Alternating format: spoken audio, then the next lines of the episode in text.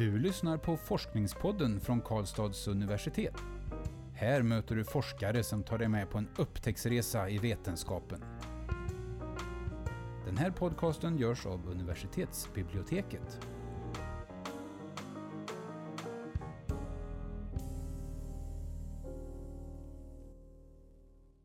Hej och välkomna, mitt namn är Nadja. Och jag heter Magnus. Idag ska vi prata om stresshantering och det ska vi göra med Ulrik Terp som är doktor i psykologi. Välkommen Ulrik. Tack så mycket. Du, I din forskning har du gjort en stresshanteringsintervention med sjuksköterskestudenter. Eh, jag tänkte kolla om du kan berätta lite mer om det. Ja, det kan jag göra. Det är ju eh, så att jag gjorde ett program för sjuksköterskestudenter som eh, eftersom jag hade jobbat ganska många år på programmet och pratat ganska mycket med studenter genom åren uh, av en händelse just om stress. Så väcktes mitt intresse därigenom att försöka göra någonting åt eller gör, försöka göra en intervention och se om man kunde träna studenter i att bli bättre på att hantera stress. Var det så att du upplevde att de var stressade? Ja, men det var ett väldigt intresse runt det och sen så läste jag rätt mycket runt det också då i litteratur och så som, och såg att det var ett problem även på andra håll och kanter runt om i både i världen och i landet. Nej, när du pratar om stress, eh, kan du ge en definition om vad det är egentligen du menar med stress? Ja, den, den klassiska definitionen som jag använder mig av och som, som vi utgår ifrån och pratar om är egentligen en, när det uppstår en subjektivt upplevd obalans mellan resurs, tillgång och belastning och krav. Av olika slag då kan det ju vara då. Mm, okay. Så en obalans, tillgångar och, krav. Och varför valde du just eh, sjuksköterskestudenter?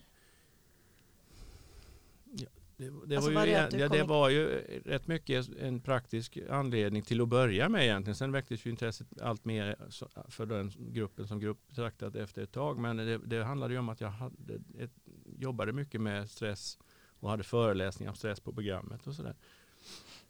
Och det här med interventionen då, eh, kan du berätta mer om vad, vad är en intervention egentligen? Ja, men intervention är ju en eh, väldigt finare ord för en insats eller ett program som man skapar eh, och genomför i ett sån här sammanhang. Så det är någon slags förändring som man önskar ska komma Ja, det är en insats som man gör av något slag. Det kan vara en intervention, det kan ju vara alla möjliga olika saker. Men i det här fallet var Ed i arbetsmiljösammanhang är det ju ett vanligt exempel. Mm. Att man tränar personal på att göra olika saker. Och då tänkte jag så här att studenter är ju jämställa med anställda egentligen i en organisation. Mm. Och hur gick du tillväga med, med din intervention då? Nej, jag tittade på vad normalt sett interventioner som syftar till att träna människor i stresshantering innehöll och, och, och så kartlade jag det så gott jag kunde och så skapade jag egentligen en, en ny utifrån det. Så du har filat lite på det som ja, redan fanns? ja, på olika det. traditioner som finns inom kognitiv beteendeterapi som det här ju kom ifrån ursprungligen. Mm. Um, och sen med den stora och viktiga skillnaden att, att det här handlar inte om att bota och behandla psykisk ohälsa eller åsta, alltså bota någon ifrån något som inte skulle vara friskt utan tvärtom att det eh, handlar ju mer om health promotion så att, att, att främja, att utveckla redan befintliga resurser hos människor. Alltså ge verktyg? Ja, precis. Och utgå ifrån de utgångslägen som var och en har med sig in. Liksom. Mm. Stärka mm. det som redan finns. Är det någonting man behöver liksom kontrollera först? Jag menar, om du nu var ute efter någon slags normala eller normalt friska eh, studenter sådär. Alltså, att man behöver kolla så att det inte finns en svåra ohälsoproblem ja, ja. från början eller så? Ja, det var precis. Jo, vi gjorde ju mätningar av alla möjliga slag med hjälp av eller skalor som används i sådana här sammanhang mm. för att titta på det. Och sen hade jag ju också givetvis en eh, var uppmärksam på det just när man träffade studenterna. Hur de, alltså... Ja, precis. Kan du berätta lite mer om det? Hur gör man rent konkret sådär? Ja, jo, det var inte svårare än så att vi träffades under över tio veckors tid, två timmar åt gången eh, och sen med en tematik varje gång som vi tränade på. Jag började med en ganska kort genomgång med teori, någon teoretisk modell eller något begrepp eller något liknande. Och sen försökte vi applicera något träningsbart utifrån detta. Mm. Och vad skulle du säga är dina de viktigaste resultaten som kom fram i detta? Ja, avhandlingen syftar ju egentligen främst till att undersöka förutsättningarna för att sjösätta en sån här intervention. Skulle jag vilja säga. Det är en feasibility-studie egentligen. Så att, eh, jag är ju rätt försiktig med slutsatser på mer med, med de här skalorna som vi har mätt, alltså hälsomått och sånt. Mm. Men man kan preliminärt säga att det har ju haft en positiv påverkan på de som har deltagit och de har det ser vi på de statistiska, alltså kvantitativa måtten. Men jag gjorde också en kvalitativ studie där jag intervjuade dem om hur det var att vara med och hur de, vad de upplevde för, hur att det var så att säga. Och många beskrev då positiva förändringar i termer av förbättrad sömnkvalitet, ett annorlunda sätt att förhålla sig till sina studier var ganska vanligt. Mm. Och eh, också en ökad närvaro i, i, i, i de relationer man ingår i. Mm. Det tyckte jag själv var rätt spännande egentligen. Ja. För det var ju egentligen, om man skulle koppla det till interventionen i alla fall, en, en möjlig konsekvens av ökad uppmärksamhetsträning som vi hade ägnat oss åt där. När du säger relationer, är det alltså relationer i ja, deras privatliv? Ja, både så? privata och ja, den typ av relationer man ingår i. Vi tränar ju ganska mycket på, för det är ju rätt drivande i stress att man är egentligen alltid på språng i huvudet och är någon annanstans. Så då tyckte mm. jag det var ett rätt viktigt liksom, ingångsvärde att träna uppmärksamhetsträning. Att när vi nu, så det gjorde vi då rent bokstavligt varje gång så börjar varje intervention med att försöka få folk att landa i att de ser till att de var där på plats, inte bara fysiskt utan även mentalt så att säga. Och det är en sån där sak som kan låta som en väldigt liten sak men som faktiskt kan få rätt stora mm. konsekvenser när man, om man då också tränar på det som jag tyckte vi gjorde rätt mycket där då. Har du något exempel på hur sån uppmärksamhetsträning går till? Ja, att man lär sig uppmärksamma vart man är i tanken. När man lär sig, vad man än sitter och gör egentligen när man bör, börjar bli uppmärksam. kan man ju uppmärksamma om man börjar dra iväg i tanken. Alltså om man, till exempel om vi satt där att om, om, börjar ni planera nu vad ni ska göra för kvällsmat med barnen och sen imorgon så ska ni göra det och igår så sa jag så, och det var kanske inte, ja då är ni någon annanstans. Och det är ju så hjärnan fungerar, det är ju inte så att den är det är en ganska avancerad akt egentligen det där. Mm. För allas hjärnor irrar ju omkring rätt friskt egentligen. Så att då är ju träningen att försöka få tillbaka till det man för stunden är upptagen av att göra. Var det den bästa feedbacken du har fått från de som deltagit i studien? Eller vad, vad tyckte de eh, att du hade gett dem för verktyg som var, var nyttig? Ja, det är flera olika här av de här. Det är ju tio veckors och det är åtminstone fem, sex olika ingångar teoretiskt. Så det varierar ju faktiskt lite beroende på vilka det var. Men det fanns en del som tyckte det här var ett sånt eh, exempel. Ehm. Tänker för våra lyssnare kan det vara kul att reflektera lite också om det är någonting som är applicerbart på, på andra ställen möjligen. Ja. Eh, inte bara för studenter. Nej, det här är ju generella saker. Det har ju inte egentligen med att det är studenter eller andra och Det går ju för vem som helst naturligtvis. Mm. Uh, ja, vi hade ju från Acceptance and Commitment Therapy använde jag också, vad heter det, en del av den, den inriktningen. Men det blir ju lite, det blir ju knövligt att reda ut här nu. Men det finns mycket metaforer man använder där som var hjälpsamma för en del. Till exempel eh, var det en som jag hade med mig, kommer jag ihåg en gång nu, det är ju flera år sedan jag gjorde detta, men att jag hade med mig en, en eh, badboll. Och badbollen kan man, använder man ibland som metafor i akt med att man kan illustrera att ens problem och det man är stressad eller upptagen av kan, om, om det tar formen av en badboll och så ser man den här badbollen framför sig så för man det, håller man den hårt med båda händerna så, så är så är man ju helt upptagen av det och, och, och, så. Men man kan ju också och så kan man försöka trycka, ta sina, om det illustrerar problem och stress och försöka trycka ner det i, i, i, under ytan så att säga så kommer ju all energi och fokus gå åt för att göra det. Liksom, mm. Det kräver en väldig kraft. Så att ett annat alternativ är ju att ha badbollen under armen och så har man ju åtminstone en arm fri. badbollen och problemet försvinner inte men man, de är någon annanstans, de är fortfarande med. Och sen finns det många olika av det där slaget som är för en, mm. för en del landar det väl och andra tycker bara det där är konstigt sätt att prata och så. Och det var därför jag hade ganska olika verktyg. Och jag hinner inte gå igenom mm. dem här allihop nu. Men det var lite utifrån det perspektivet. att människor det, det passar olika bra beroende på hur man tänker och är själv. Och det tyckte jag illustrerades i det där också. Det var ganska olika ingångar varje vecka och en del tyckte vissa saker var jättebra och andra tyckte an något annat var bra. Va? Mm. Så det var en sån blandning mellan klassisk och KBT, klassisk och modern KBT kan man säga.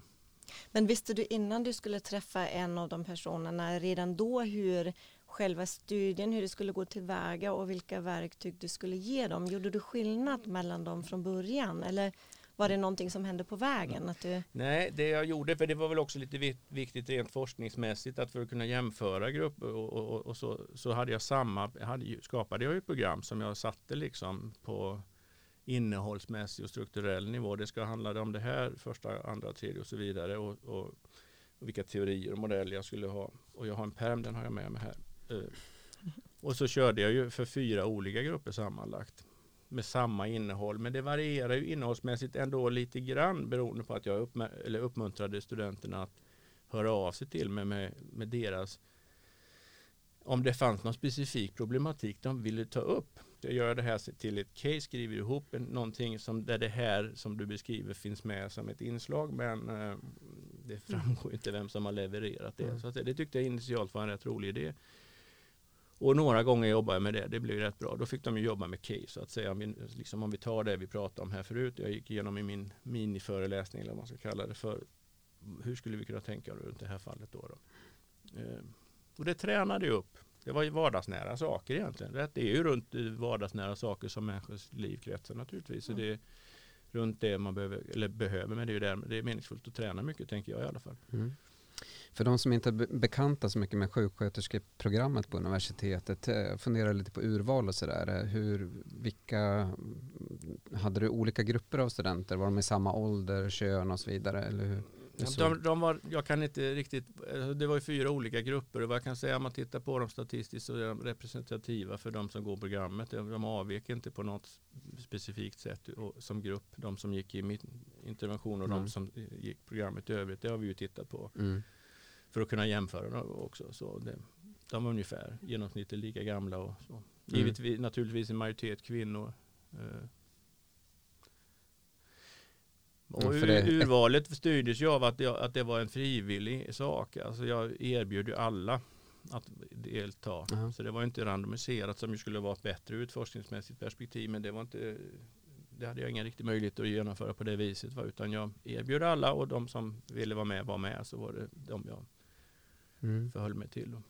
Du började ju prata som ett resultat ifall det här interventionssättet eh, är möjligt, om det funkar eller ja. inte. Eh, kan du säga något mer om det? Vad? Ja, för det är som sagt var i feasibility-studier så är ju det viktigt att titta på hur blir det att landa sån här sak i, i, en organisation. Om det nu skulle vara en arbetsplats eller vad som helst. Det, det kan vara mycket runt omkring som påverkar om, man kan, om det är en bra idé så att säga. Och en sån sak här är att titta hur blir det, vilka, vilka deltar, vilka är det som vill vara med och om de som inte hoppar på, varför gör de inte det? Och är det något som ska vara för alla och så vidare, då, då är det ju viktiga frågor.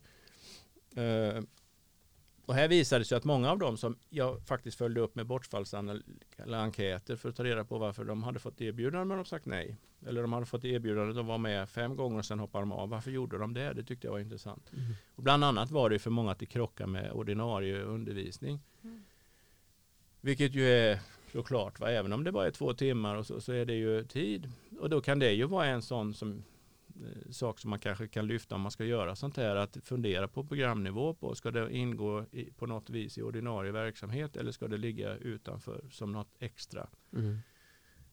Det är ju en sån sak. Jag vet, det finns för och emot på hur man än tänker här. Men, men du tänker ändå att det är en, eh, en metod för just universitetsstudenter i första hand och kanske inte så mycket för övriga arbetslivet? Ja, eller? men det skulle kunna fungera. Alltså det, det, den är ju inte, det finns ju inget specifikt i sådana program. Det är ju människor som vi pratar om och mm. hur vi fungerar. Och det, det, jag kan skruva det innehållsmässigt så att det blir mer eller mindre sjuksköterskestudents kontext så att säga. Men det, det, kan man göra vart som helst skulle jag gissa. Mm. Var det någonting som förvånade dig? Ja, på en nivå var det det att, att så pass många var med så mycket. I, i högre utbildning idag har vi ju ganska, eller har jag åtminstone hört många som pratar om att det ofta är många som inte kommer på föreläsningar, som inte är med på, på den ordinarie undervisningen. Så jag hade sällsynt många som var med vid alla tillfällen, även om du nu reste väldigt långt och så. Det tyckte jag själv var liksom häpnadsväckande i någon mening. Men det var Mm. mer på den nivån. Mm.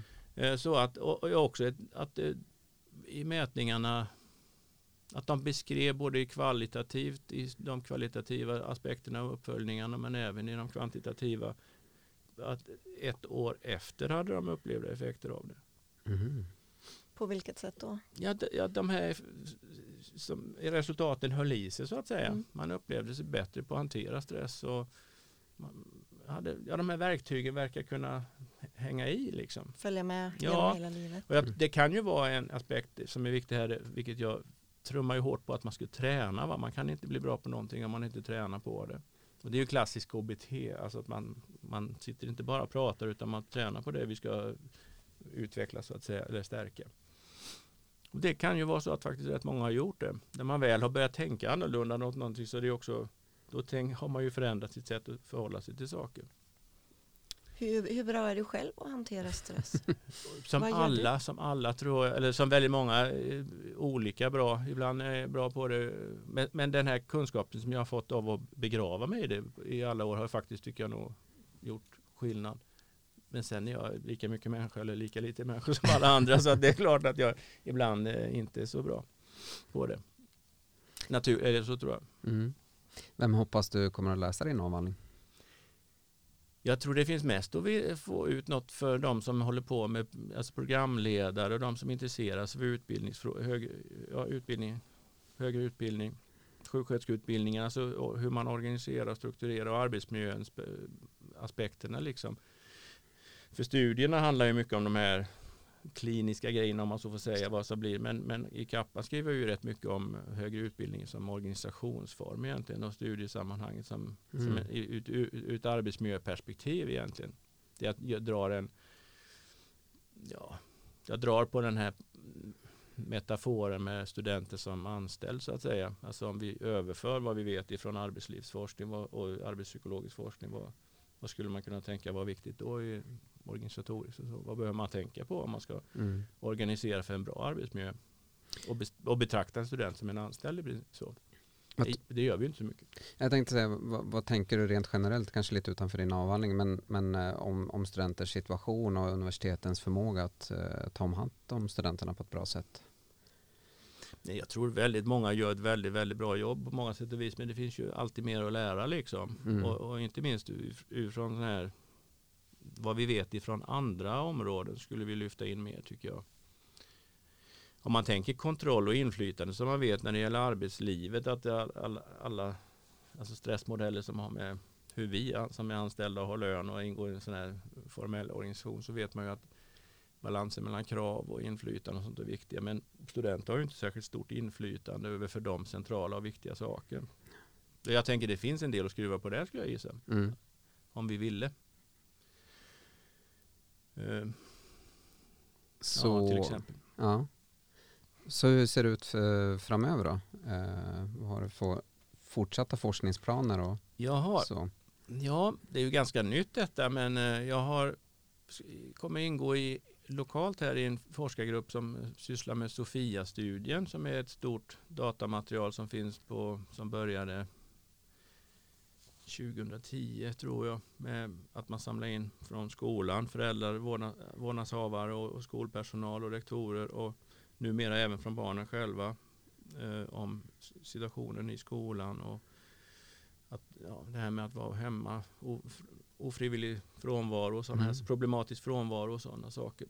Så det är ju helt nytt för mig men vi är något, Birgitta Svensson som är lektor här på socialt arbete är ju den som ansvarar för det här i Karlstad och en som heter Henrik Andershed är ju forskningsledare i- dit som är epicentrum kan man säga för hela projektet från Örebro. Och jag tänk, har blivit erbjuden att vara med där i som ju är ett helt annat område och jättespännande tycker jag. Mm.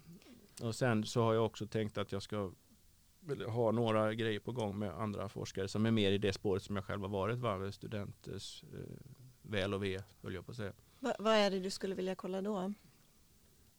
Utifrån du vet, det du vet idag, vad är, vad är nästa steg?